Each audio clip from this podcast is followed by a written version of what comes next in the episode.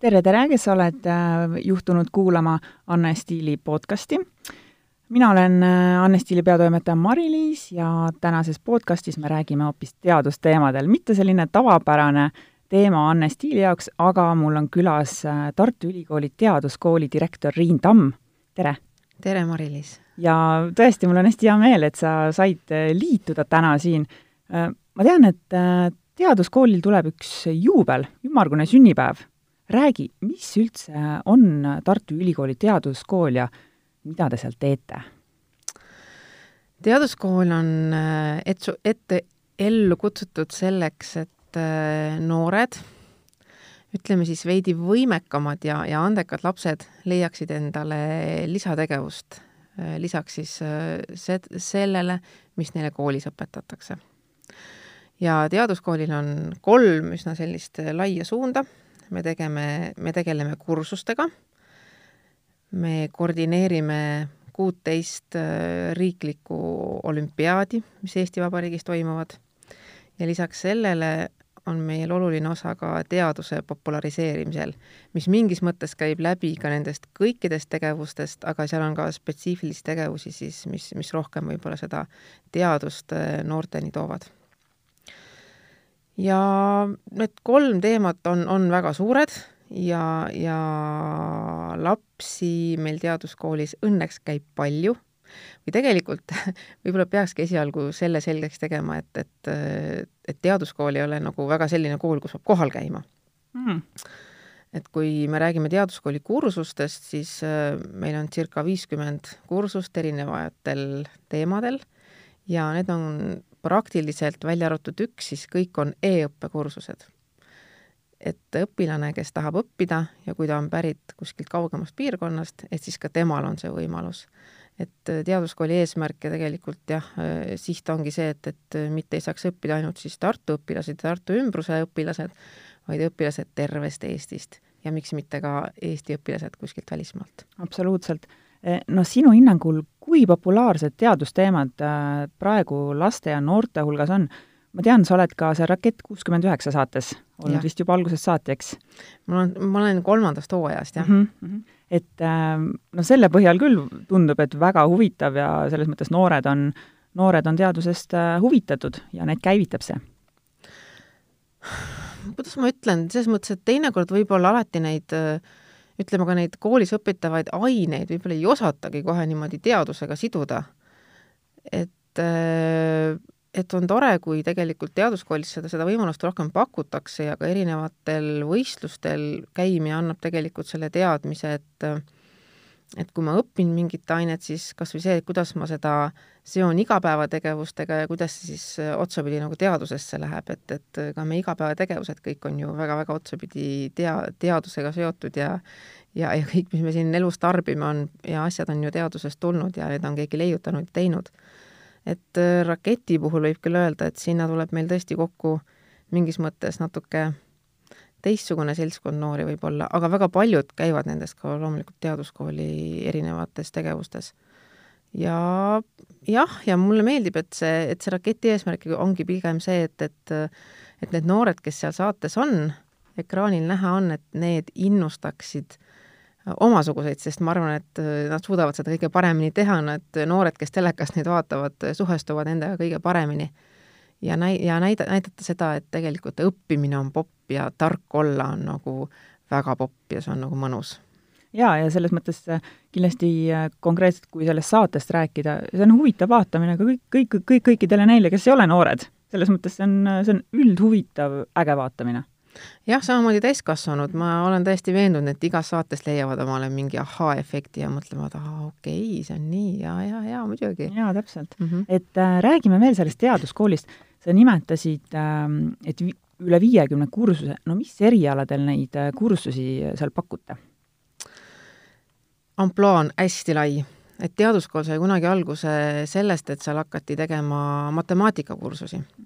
aga siis liitusid sinna juurde keemia ja füüsika ja ta väga-väga pikka aega oli kaldu, ütleme selliste reaal- ja loodusteaduste suuna poole. et sinna tulid siis bioloogia ja, ja, ja sellised ained juurde, astronoomia, mis on küll osa füüsikast, aga ta toodi eraldi välja.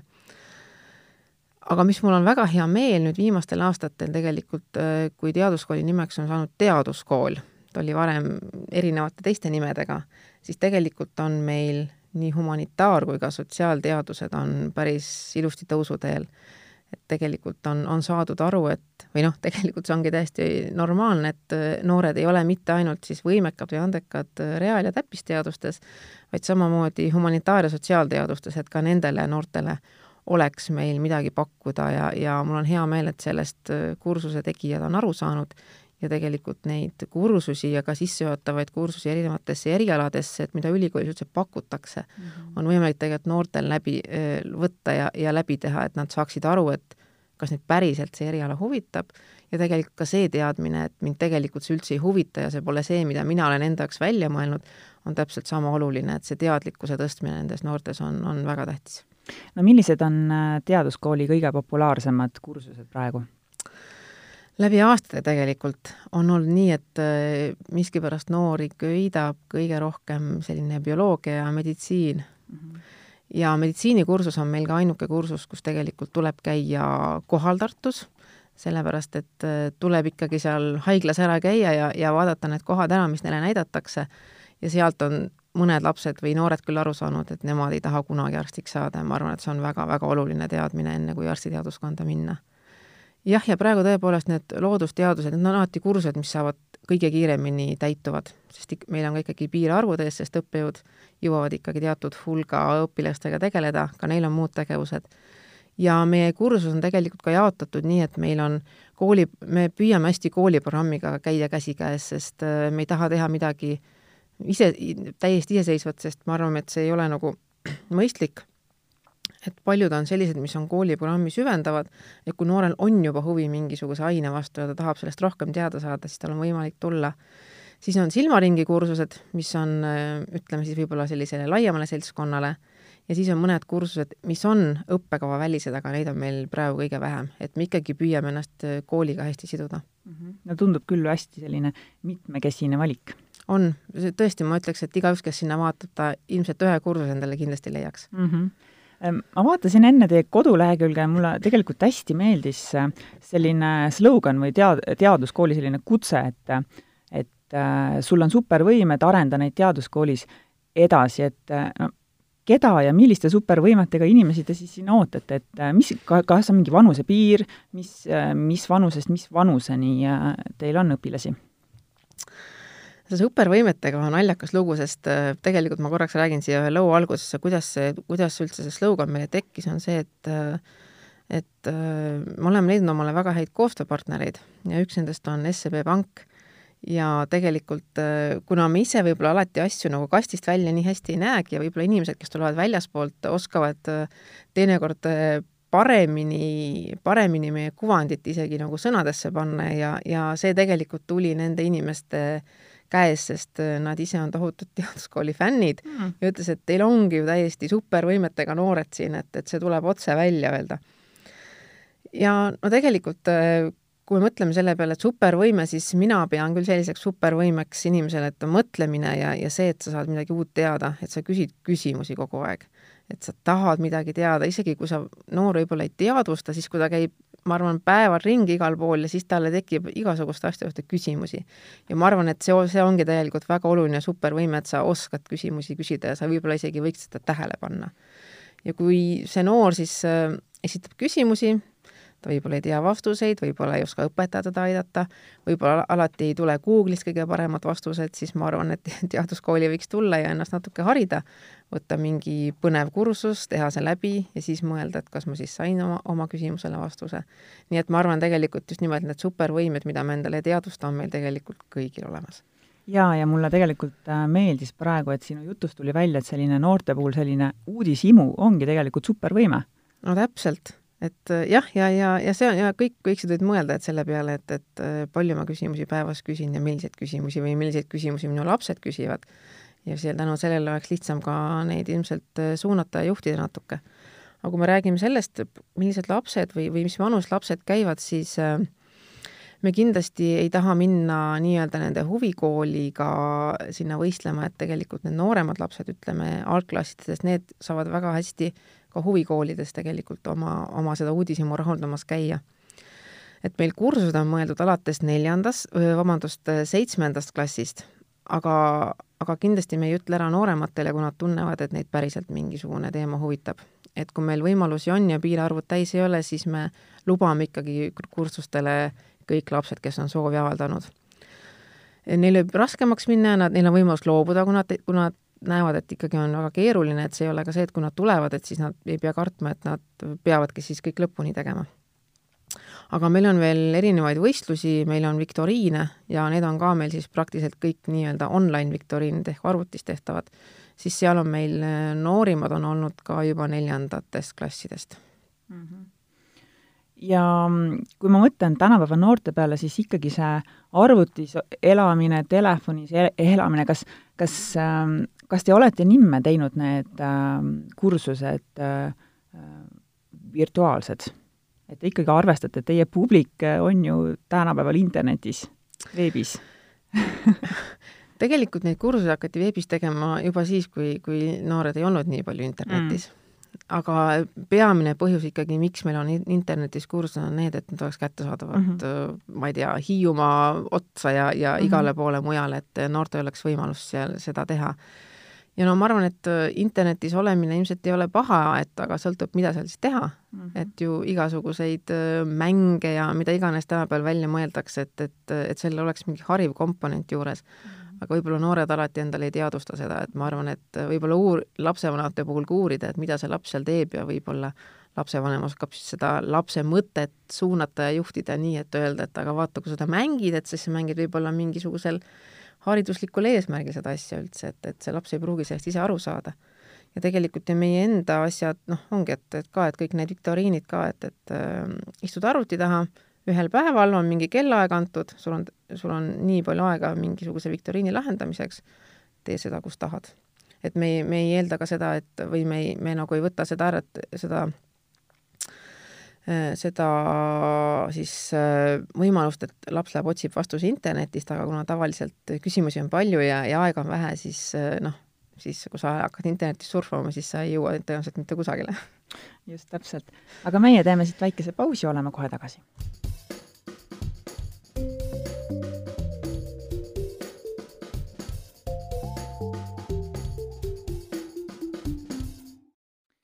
hea kuulaja, sa kuulad Anne ja Stiili podcasti. täna räägime teadusteemadel ja minuga on stuudios Tartu Ülikooli Teaduskooli direktor Riin Tamm. Riin, räägime natukene sinust endast ka. mitu aastat sa oled nüüd seda teaduskooli juhtinud? vähe, isegi kahte aastat ei ole veel täis mm. -hmm aga mis on selle kahe aasta jooksul olnud sellised äh, suuremad tähelepanekud, õppetunnid just äh, seoses töötamisega lastega?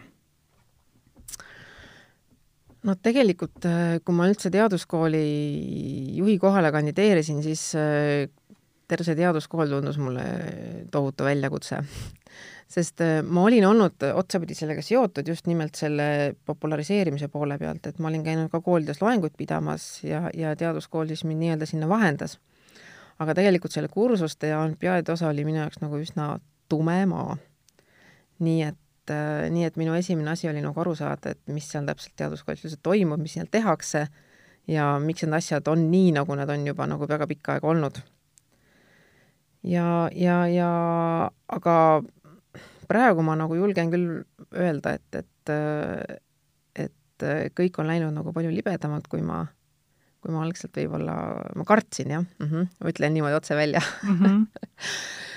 ja, ja noh, ja ikkagi peamine ülesanne on minul olnud siis see, et ma olen pidanud meie tegevuste jaoks ikkagi otsima lisarahastust mis on, ma arvan, enamike juhtide puhul see, see kõige olulisem prioriteet, et äh, sellega ma olen, olen suuresti tegelenud praegu.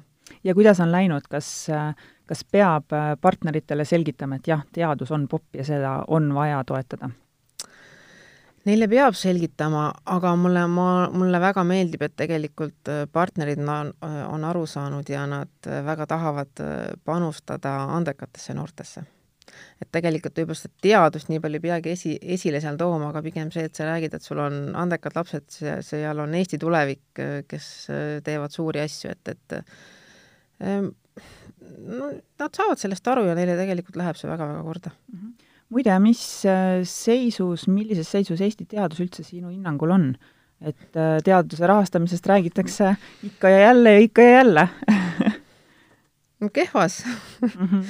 Ja mul on väga hea meel, et ma ei ole selle sees enam praegu absoluutselt. ma hea meelega vaatan seda tegevust praegu kõrvalt ja ma isegi ei tahaks seal olla, sellepärast et äh, aga, aga ma ei tahaks nagu, et, et see tegelikult need teaduse, et see, et teadusel läheb kehvasti, et see kuidagi noori see, see nende teadusteemade pealt nagu ära ajaks, selles mõttes, et teadus ei ole ju mitte üldse ainuke valik, et isegi kui sa oled teadusest huvitatud ja, ja sa lähed ülikooli ja sa satud teaduslaborisse ja sa teed seal mingi aeg teadust, siis see ei välista, et sa hiljem saad ju minna oma erialal otsima teisi väljakutseid, minna teadusest väljapoole ja mul on nii kahju, et sellest nii vähe räägitakse, et ma ise püüan olla küll oma erialal äh, väga teadlikult rääkida sellest, et, et lisaks teadusele on ka väga palju teisi võimalusi, kuidas ikkagi siis hiljem leib lauale tuua, et et siis nii kaua ma ütleks, et on lihtne, kui sa oled bakalaureuseõppes, teed oma magistritööd ja isegi doktorandina tegelikult sul on ikkagi koht tagatud ja, ja ja, ja sa saad oma õpingud ära lõpetada, aga juba sealt edasi läheb keeruliseks. ja mina otsustasin ka, et peale doktorantuuri, et ma praegu ei võta ette neid suuri-suuri väljakutseid, mis mind, mis mind ootaksid, et ma, et ma natuke proovin mõnda muud ametit. no mis on see, et läheb keeruliseks, mis see tähendab? no see tähendab põhimõtteliselt seda, et, et äh, sind visatakse siis ikkagi ütleme nii-öelda uksest välja, visatakse tundmatusse vette ja öeldakse, et nüüd sa pead ise hakkama saama, sellepärast et äh, nüüd sa oled justkui kvalifikatsiooni kätte saanud, et ongi, et kas sa lähed siis järeldoktorantuuri, selleks pead sa omale rahastuse leidma mm., tahad sa hakata koha peal midagi tegema, selleks on taaskord rahastust vaja, eeldatakse, et sa lood oma uurimisgrupi, mis nõuab, mis on tohutu vastutus. et seda on praegu siin väga keeruline teha ja ma sain aru, et ma ei ole selleks väljakutseks valmis. no me räägime kohe peale pausi ka sinu erialast, me oleme kohe tagasi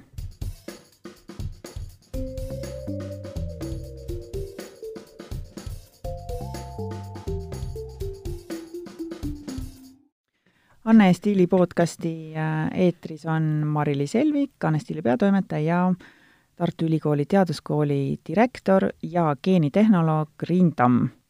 Riin, no ma ütlesin nüüd ära, et sa oled geenitehnoloog, siis äh, äh, eriala järgi. räägime sellest ka, väga põnev äh, eriala, kuigi me täpsemalt sellest vist ikkagi rohkem ei tea või vähemalt äh, nagu üldsus ei tea. räägi kõigepealt, kuidas sina selle erialani jõudsid? Jõudsin üsna üle kivide ja kändude, mhm. sest kui ma lõpetasin, hakkasin keskkooli lõpetama, siis ma tegelikult noh, nagu enamik noori ikkagi on segaduses, nad ei tea, mis nad oma eluga peale hakkavad. ja ka mul oli tegelikult, mul oli öö, huvi inimese vastu. ja siis mulle tundus nagu loogiline, et ma õpin arstiks. mu ema on arst, mu isa on loomaarst mm aga siis ma sain aru, et ei, et ma arstiks ei õpi, sest ma ei jõua nii, ma ei taha nii kaua õppida et ma ei ole nii suur fanaatik, et ma teadsin, et minu jaoks ei ole see õige. siis ma mõtlesin, okei okay,, ma lähen proovin, õpin siis loomaarstiks aga peale kahte kuud sain ma aru, et see ei ole ka minu eriala. siis ma tulin ära ülikoolist, muidugi see oli suur selles mõttes, äh, see oli suur löök mu vanematele kuna nad ikkagi, isa oli täiesti veendunud, et nüüd ma ikkagi ülikooli üldse ei lähegi ja nüüd on tütar hukka läinud. siis ma võtsin vaba aasta, siis ma sain aru mingil hetkel, et ma olen õppimisest nii väsinud, et ma lihtsalt ei taha mitte midagi. ja tegelesin lihtsalt, olin ettekandja. aga kui kevadel oli vaja otsustama hakata, siis ma olin enda jaoks nagu üsna hästi selgeks mõelnud ja tegelikult see aasta mind õudselt raputas, et ma sain aru, et ma olen tegelikult võimeline palju rohkemaks, kui olla ettekandja ja ma tahan minna ülikooli ja, ja õppida ja, ja kui ma, siis ma sain, siis ma mõtlesin tükk aega selle peale ja ma sain aru, et tegelikult geenitehnoloogia võiks olla kõige lähemal arstile, et ma saan seal nagu uurida inimest ja, ja see mind, inimene mind väga paelus. ja siis ma astu-, astusingi geenitehnoloogiasse Tartu Ülikoolis ja kuna see oli tol hetkel tegelikult veel päris selline uus uus eriala, siis see oligi selline hästi põnev ja ma ootasin sellelt hästi, hästi palju ja, ja tegelikult minu ootused ka kõik täitusid. no kui kaugele sa enda õpingutega siis jõudsid? no ikka jõudsin doktorantuuri lõpuni, et doktorikraad on mul käes see võttis aega, ma olin, ma tegin oma bakalaureuse ja magistri õigel ajal ära, aga doktorantuuris olin ma kümme aastat. aga see oli imeline aeg, ma sain nii palju enda karjääri ja, ja, ja ütleme ka CV jaoks teha, nii et ma ühtegi päeva sellest ei, ei, ei pühendaks nagu mingi, millelegi muule, et see oli nagu superaeg arvata võib ja siis ettekandjast äh, doktoriks. meil on siin praegu külaline just okei okay, äh,, aga milliste teadustöödega ähm, sa oled tegelenud ja millised võib-olla sellised avastused su enda jaoks on olnud äh, kõige olulisemad või suuremad? No mul oli tegelikult äh, õnn töötada oma ülikooli ajal sellise korüfeega koos nagu professor Andres Metspalu, kes on olnud algusest peale mu juhendaja. ja, ja, ja kuna ta oli ka siis, on Eesti geenivaramu eesotsas, siis äh, tegelikult meil on, olid ja praegu on ka väga head võimalused teadustöö tegemiseks. ma sain omale kaks väga ägedat teemat, mis äh, on, ütleme, noh, minu jaoks see teaduse tegemine, see, et ma ei tee teadust lihtsalt, ma ei tee teadust teaduse pärast, ma teen selle jaoks, et sellest nagu midagi välja tuleks või sellest oleks inimestel kasu või ühiskonnal mm. -hmm ja üks teema, millega ma tegelema hakkasin, oli farmakogeneetika, see tähendab siis seda, et ma uurisin, kuidas ravimid ja geenid omavahel, äh, omavahel töötavad et miks siis kõik inimesed ei saa võtta ühesuguseid ravimeid või ei saa samu ravi, ravidoose, et, et millest see sõltub ja kuidas siis geenid sellega seotud on. Ja teine teema, mille, mida ma uurisin küll vähem, aga siiski, oli vananemise geneetika, mis oli samamoodi, et see ju puudutab meid kõiki ja õigele läheb korda, kui kaua me siis elame ja, ja kui kiiresti me vananeme ja kuidas siis geenid sellega seotud on. no see viimane teema naiste ajakirja pea, peatoimetajana ma hakkan kohe sellest kinni ja küsingi, et äh, kas siis vastab see tõele, et ikkagi kõik on geenides kinni või me saame nende äh, kreemikogustega enda vananemist kuidagi peatada, pehmendada, vähendada ma arvan ikka, ma, ma ei arva, vaid ma ikkagi usun, et ikkagi üsna palju on kinni geenides. me, sõltub ikka sellest, et, sest noh, kogu meie keha ju on üles ehitatud nii, et tegelikult see on saadud informatsioon meie geenidelt, et kas meist tuleb vist närvirakud, tulevad maorakud, tulevad lihasrakud ja kuidas tegelikult keha toimima hakkab, et see informatsioon on kõik geenides meis olemas. Ehm, selle vananemise puhul, kui ma seda uurisin, siis seal oli, siis seal oli nagu müstilisi nagu töid tehtud ja müstilisi pealkirju, mis ma siis märkasin, kuidas nagu kohe-kohe on võimalik nagu vananemist ümber pöörata ja, ja inimesed elavad tuhandeaastaseks ja noh niisugune inimestele, et palun natuke kriitilist mõtlemist, enne kui te nagu päriselt neid artikleid loete ja mõtlete, mis seal räägitakse, et, et äh, et siis mõelge, mõelge, et ma olen alati öelnud, eriti nende kreemide puhul, et kui ma olen ka kuulnud, et erinevad ettevõtted töötavad välja siis äh, äh, erinevaid vananemist siis pidurdavad või kortse, kortse pidurdavaid kreeme, siis ma ütlesin, et ma, ma olen mõelnud, ma, ma usun neid siis, kui nad, kui ma näen, et rosinast saab uuesti viinamari et see, siis see minu jaoks tõestus, et see kreem võib-olla töötab, aga mitte enne mm. -hmm aga ütle nüüd nagu meile mingisugune, mingi lootuse kiir anna, et kas, kas tõesti, kas nendest vananemisvastastest kreemidest ei ole kasu? Või, või ikkagi no vähekene nagu on. No ma tean, see on selline lihtsustatud äh, küsimus, aga kas see, no kuidas need siis töötavad?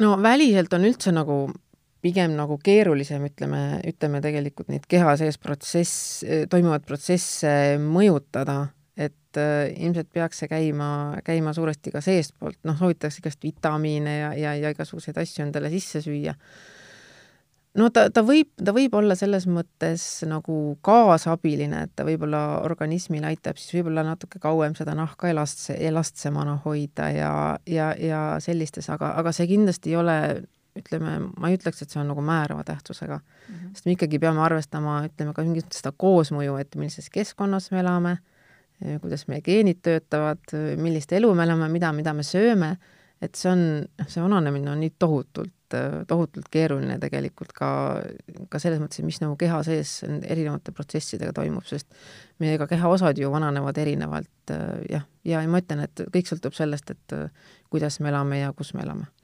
no kuidas sa sellise teadlase pilguga vaatad seda nooruse kultust, mis on tegelikult olnud ju aegade algusest, eks, et inimesed tahavad näha nooremad välja?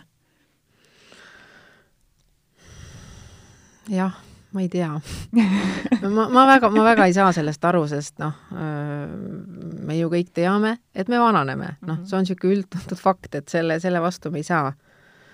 aga no ma arvan, et inimestel on erinevad põhjused siin, võib-olla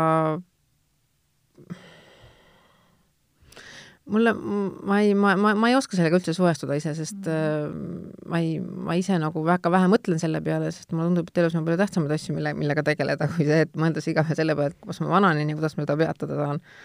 et äh, elu tuleks nagu kasutada mõistlikumalt ära, mõistlikumatele tegevustele ja, ja, ja, ja võib-olla natuke mõelda rohkem sellele, et mida ma siis sinna ühis, ühiskonda siia anda saan peale oma sellise muretsemise.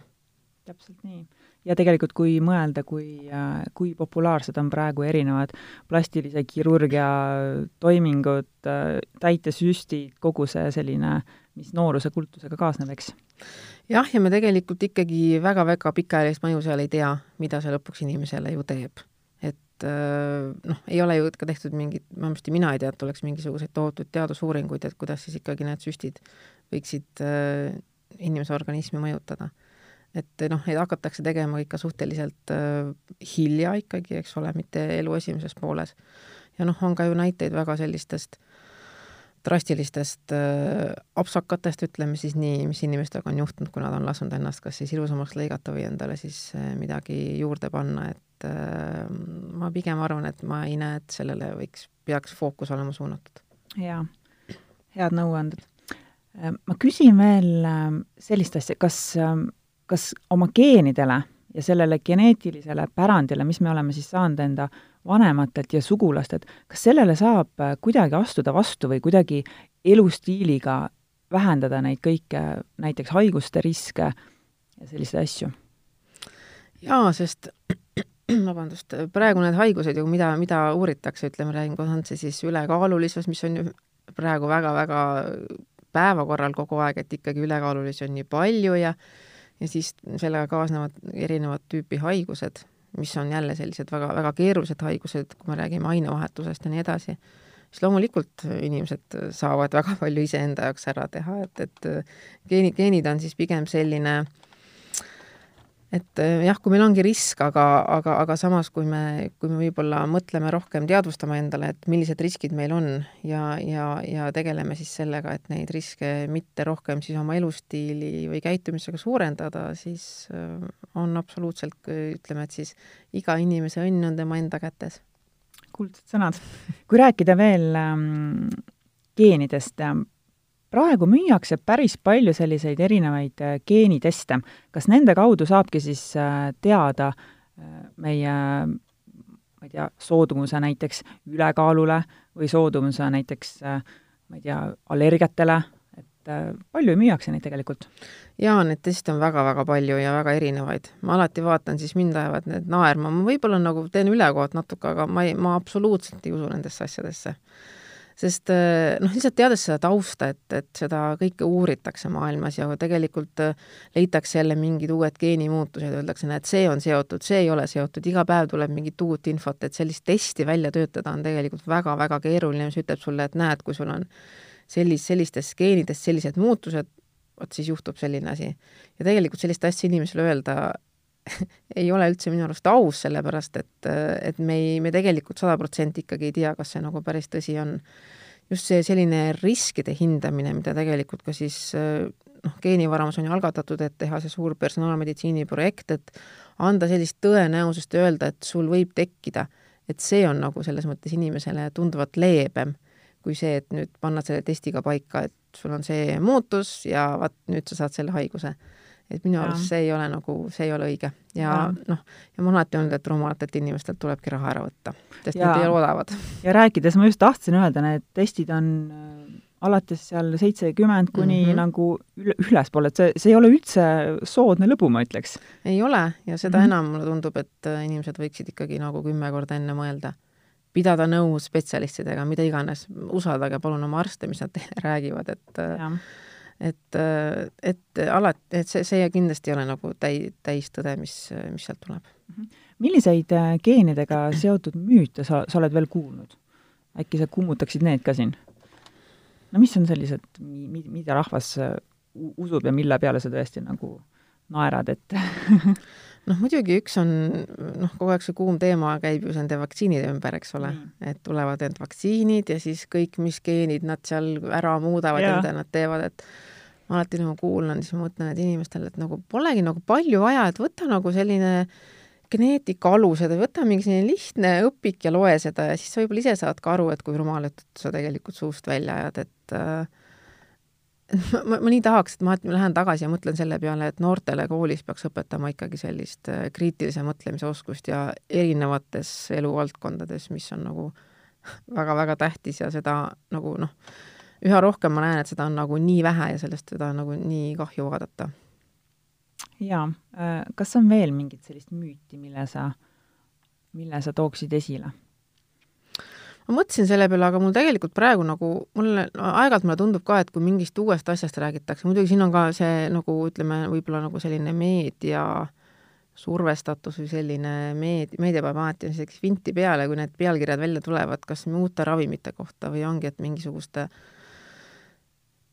öö, no ühesõnaga, et alati tekib inimestel niisugune, et ei, see on halb, see on paha, aga ongi, et kui sa nagu hakkad süüvima ja vaatama ja, võib-olla üldse vaatama seda, et millises etapis on mingisugune teadustöö, millest üldse kirjutatakse.